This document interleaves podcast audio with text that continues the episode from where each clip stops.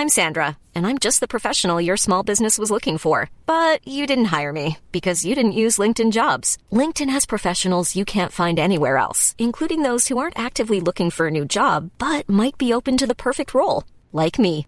In a given month, over 70% of LinkedIn users don't visit other leading job sites. So if you're not looking on LinkedIn, you'll miss out on great candidates like Sandra. Start hiring professionals like a professional. Post your free job on linkedin.com/people today. Hans Petter og Co. presenteres av TrippelTex, det skybaserte økonomisystemet som gir store og små virksomheter full oversikt over økonomien. Prøv TrippelTex gratis du også, i 14 dager, ved å gå inn på trippeltex.no.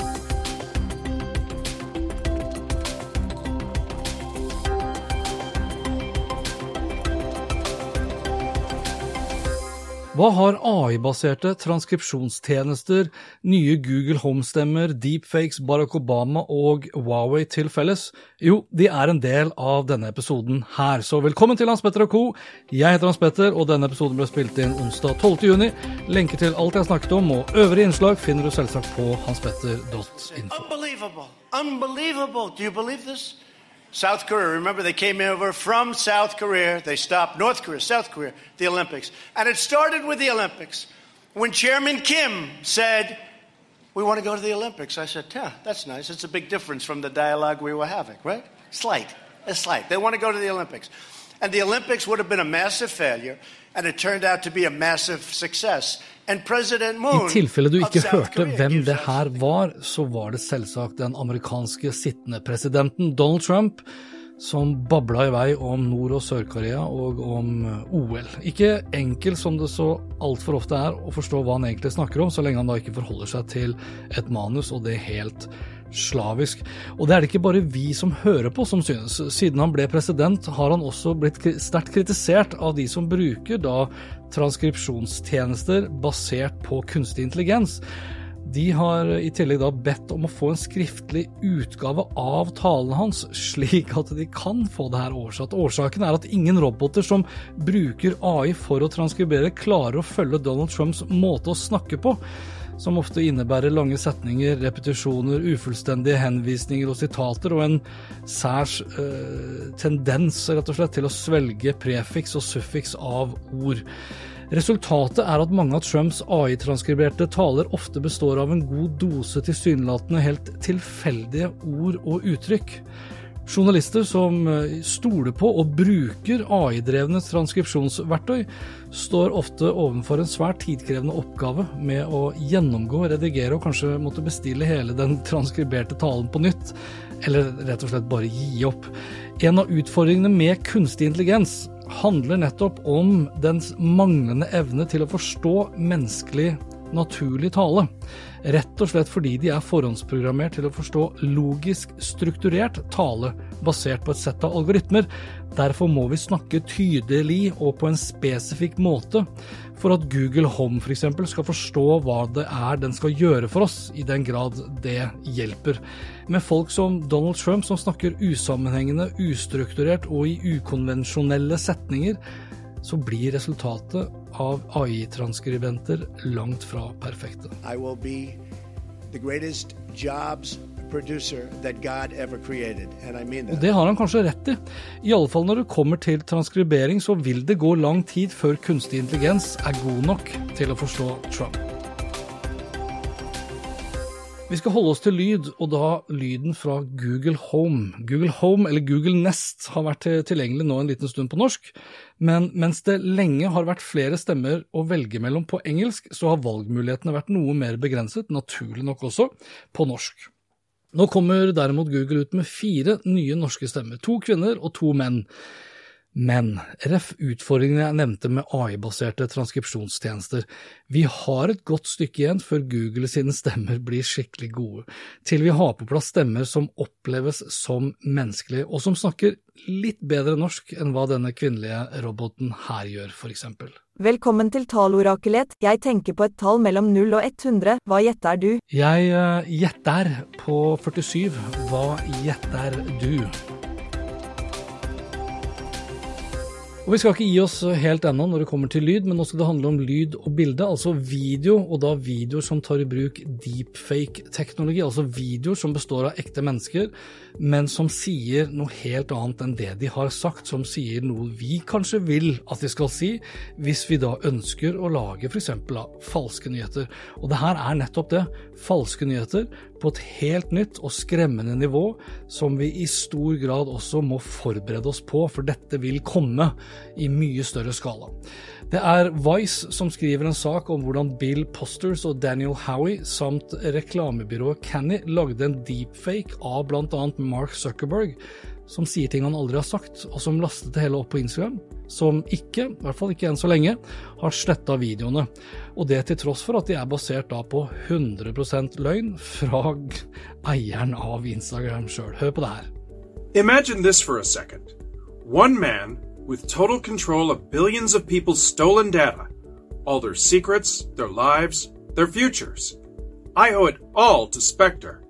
Spectre showed me that whoever controls the data controls the future. Altså Den videoen som du åpenbart ikke ser nå, den er basert da på en 2017-video hvor Mark Zuckerberg snakker om russisk valginnblanding på Facebook, og det, det, ser helt ekte ut. Stemmen derimot er jeg ikke helt overbevist om, men jeg blir kanskje mer skremt og mer overbevist av den videoen her som du hører lyden av nå. When there's so many haters, I really don't care because their data has made me rich beyond my wildest dreams. My decision to believe in Spectre literally gave me my ratings and my fan base. I feel really blessed because I genuinely love the process of manipulating people online for money. Hvis du er litt opptatt av eh, Instagram og eh, kjendiser som har blitt kjendiser for å ikke gjøre så veldig mye, fornuftig i hvert fall, så hørte du kanskje hvem det her var? 100% fake, selvsagt, og det vi snakker om er Kim Kardashian. Posters og Howie sammen med reklamebyrået Canny har laget en rekke slike deepfakes i anledning av en utstilling som heter Spectre, eller het Spectre, som både Kim Kardashian og Mark Zuckerberg nevnte i sine i gåstein respektive videoer. Spekter Spectre var da en utstilling arrangert som en del av Sheffield Dock Festival i Storbritannia for kort tid siden. Og ifølge Instagram, som dere vet eies av Facebook, så vil ikke disse videoene bli fjernet fra Instagram så lenge de ikke blir merket som falske av Facebook sine faktasjekk-partnere. Så faktisk.no, her regner jeg med at dere kommer på banen, og det ASAP. USA forbyr Huawei for å ta igjen Kina på 5G, men først det her. What am I going to do in DC for two years? How about work at Spotify? The music streaming service posted this job listing on its website for a president of playlists. While it doesn't specifically mention Obama by name, it's pretty clear who the ideal candidate for the position would be. For to år siden så søkte Spotify etter en president of playlist, og den mest aktuelle kandidaten da var selvsagt Barack Obama med et smilefjes. Om han søkte eller ikke, vites ikke, i hvert fall vet ikke jeg det, men han ble i hvert fall aldri president og playlist hos Spotify. Men nå skal han og Michelle via produksjonsselskapet deres Higher Ground produsere en rekke podkaster eksklusivt for nettopp Spotify. I samarbeidet inngår utvikling, produksjon og utlån av deres stemme til utvalgte podkaster, kommer det frem i en pressemelding fra Spotify, og det skriver E24. Samarbeidet betegnes som en flerårig avtale, og Dawn Ostroff, som er innholdsdirektør for Spotify, skriver i pressemeldingen at president Barack Obama og Michelle Obama er to av verdens viktigste stemmer, og det er et privilegium å få arbeide med dem for å identifisere og dele historier som vil inspirere et globalt publikum, og som ser til Spotify for unikt og banebrytende innhold. Det føles nesten som det ikke kommer til å bli en episode med det aller første uten at vi kommer til å snakke litt om USA og Kina. Om teknologikrigen som herjer både, både på land og i skyen. Eh, og det kan handle om Huawei, og det kan handle om 5G, og det kan handle om kunstig intelligens og Internet of Things osv. Denne gangen så skal det handle om 5G, og da spør jeg rett og slett om det kan være slik at USA forbyr Huawei for å ta igjen Kina på 5G. For 5G er ikke bare en kritisk infrastruktur som vil gi oss superraskt mobil bredbånd. 5G vil også skape hundretusenvis av arbeidsplasser og generere milliarder av dollar i inntekter og omsetning. Og for Donald Trump handler det nok også like mye om å ikke tape ansikt til Kina som det å make America great again. For Kina er langt foran USA på 5G. Eller er det ikke det?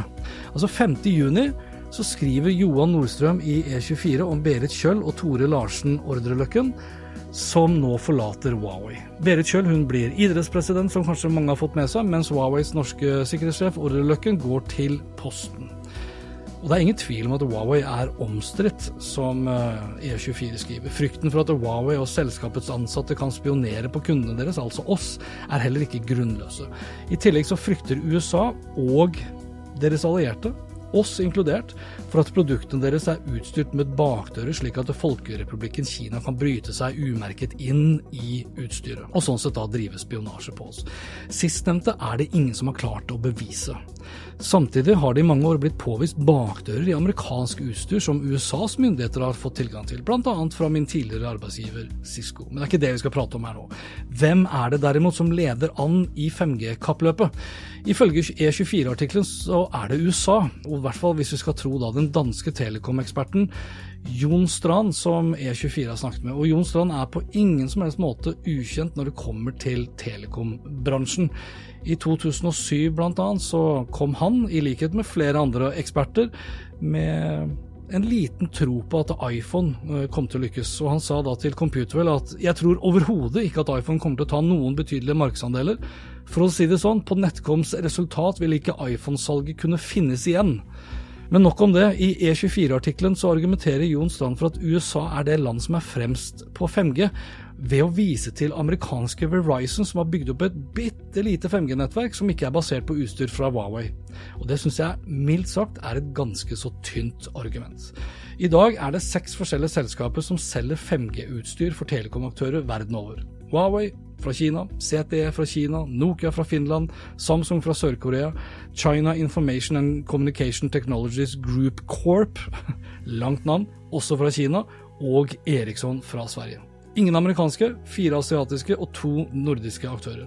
I 5G-produktene er det selvsagt mye amerikansk teknologi, levert bl.a. fra Qualcomm, Intel med flere. Men det er lite som peker i retning av at USA er det land som er fremst på 5G, slik telekom-eksperten Jon Strand påstår i E24-artikkelen. Tvert imot er det veldig mye som tyder på akkurat det motsatte. Deloitte f.eks. publiserte en rapport her i august 2018 som viste til at Kina har investert 24 milliarder dollar mer i 5G-infrastruktur enn USA, og har installert mer enn 350 000 5G-basestasjoner mot USAs 30 000. Kinesiske selskaper har i tillegg levert langt flere bidrag til 5G-standarden enn USA, og har også over 30% av alle 5G-patenter i verden, sammenlignet med USAs 17% Amerikanske VentureBeat skriver i mai 2019, altså for kort tid siden, at Kina etterlater USA i støvskyen når det kommer til 5G-utviklingen kan det derfor da tenkes at USA forbyr Huawei for å ta igjen forspranget Kina har på 5G.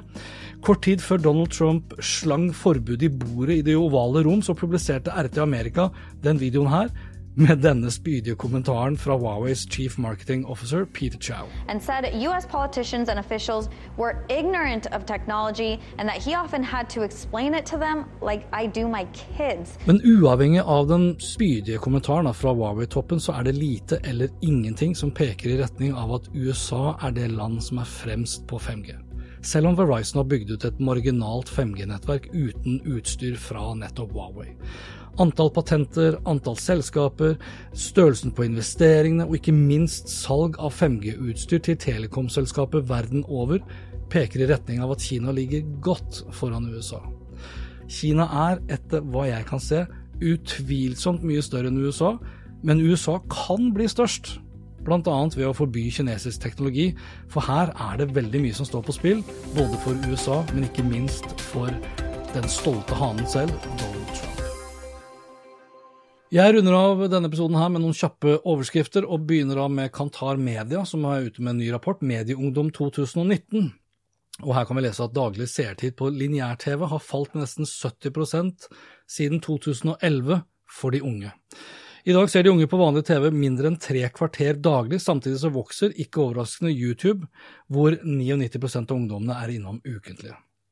Google kjøper analyseselskapet Looker for 22,6 milliarder kroner, og Salesforce vil ikke være noe dårligere de, så de går til innkjøp av tilsvarende teknologi i form av Tableau-selskapet for intet mindre enn 135 milliarder kroner. Facebook legger heller ikke helt på latsiden. Egen kryptovaluta forventes å bli lansert allerede nå i år. 18.6 er datoen, selv om det offisielt skal lanseres neste år, og navnet på Marks kryptovaluta ser ut til å bli Libra. Til høsten forventes det også at Facebook vil lansere en rekke nye hardware-produkter. Nye utgaver av Portal, altså Facebooks konkurrerende produkt mot Amazon Echoshow og Googles Nest Hub, vil inkludere WhatsApp-videosamtaler og skal angivelig kunne fungere mot smart-TV-er. Det ryktes også at Facebook jobber med en egen taleassistent. Og som så ofte før, spørsmålet om hvor ofte du bør publisere dukker stadig vekk opp. Og Marius Carlsen skriver i sitt nyhetsbrev at eh, Facebook har oppdatert en artikkel fra 16. mai, hvor de varslet enda sterkere fokus på relevans og meningsfullt innhold. I oppdateringen fokuserer de på Facebook-sider og grupper, og løfter frem tre indikatorer på hvordan de rangerer sidene. 1.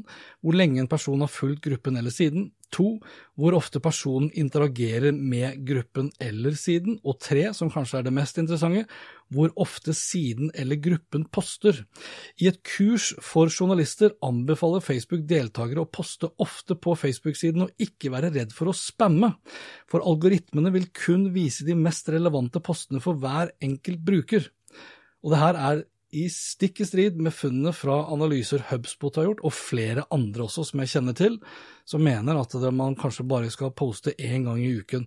Nå vil jeg jo si sjøl, dette er ikke Marius Carlsen som sier, men jeg vil jo si selv at de aller fleste har nok ikke nødvendigvis et problem med tanke på å poste for ofte eller for sjelden. Jeg vil heller si at de aller fleste har et problem med kvaliteten på det de poster. Mary Meeker sin internettrapport for 2019 er ute, og Mary Meeker har postet eh, sin såkalte da i en rekke år, og anslås å være en slags fasit på hvordan tingenes tilstand er og vil bli.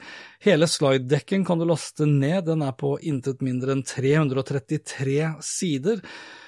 Anette Melby fra Boston Consulting Group, tidligere Skipsted, hun oppsummerte hele presentasjonen med 14 punkter på LinkedIn, og jeg skal gå kjapt igjennom. 70% av verdens største selskaper er teknologiselskaper. E-handel står for 15% av all detaljvarehandel, men veksten bremses opp. Det gjør det ikke i Norge. Hvis det føles som om vi alle sammen drikker av en dataslange, så er det nettopp fordi det er det vi gjør. Markedsføringsutgifter for å tiltrekke seg nye kunder øker, sterk vekst i freemium-baserte abonnementsmodeller, stemmestyrte assistenter øker, Utfordrende fremtid for målrettede annonser. Vi blir stadig mer opptatt av og bekymret for hvor mye tid vi bruker på internett. Innovasjon fra teknologibedrifter utenfor USA er fortsatt robust. Mobilen spiser verden. Mobilbruk slår TV-tid i USA for aller første gang, by the way. Vi kommuniserer i økende grad gjennom bilder. On demand-økonomien er i sterk vekst. Telemedisin er også i sterk vekst. Og vi sliter fortsatt med å moderere mobbing på nett. Jeg runder av med den siste saken. Jeg startet med lyd, og jeg kommer til å avslutte med lyd, og da fra Apple. For nå varsler Apple om flere endringer i lys av WWDC, altså utviklerkonferansen som ble arrangert sist uke. Apple slipper en egen podkast-app til Mac til høsten. Det skal bli enklere å finne og lytte til podkaster ved hjelp av fulltekstsøk og Apple fjerner en del gamle og innfører en del nye podkastkategorier. Så tipper jeg de er litt sure for at eh, Barack Obama og Michelle Obama gikk til Spotify. Og det var det for denne gang. Likte du det du hørte og ville forsikre deg om at du får med deg de neste episodene, da kan du abonnere på Aspetter Co. på Apple Podcaster. Legge inn noen stjerner, Ellers er podkasten også tilgjengelig på Spotify, Acast, Google Podcast, Overcast og TuneIn Radio. Inntil neste gang, vær nysgjerrig, for det er den beste måten å møte vår digitale fremtid på.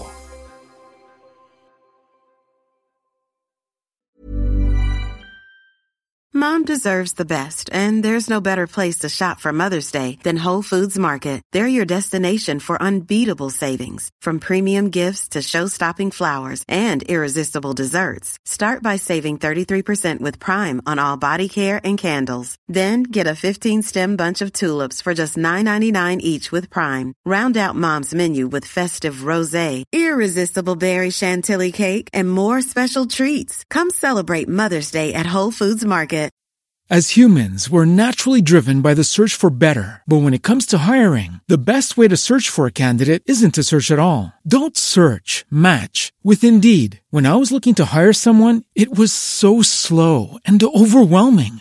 I wish I had used Indeed. If you need to hire, you need Indeed. Indeed is your matching and hiring platform with over 350 million global monthly visitors, according to Indeed data, and a matching engine that helps you find quality candidates fast. Ditch the busy work. Use Indeed for scheduling, screening, and messaging so you can connect with candidates faster. And Indeed doesn't just help you hire faster. 93% of employers agree Indeed delivers the highest quality matches compared to other job sites, according to a recent Indeed survey. And listeners of this show will get a $75 sponsored job credit to get your jobs more visibility at Indeed.com slash podcast. That's Indeed.com slash podcast. Terms and conditions apply.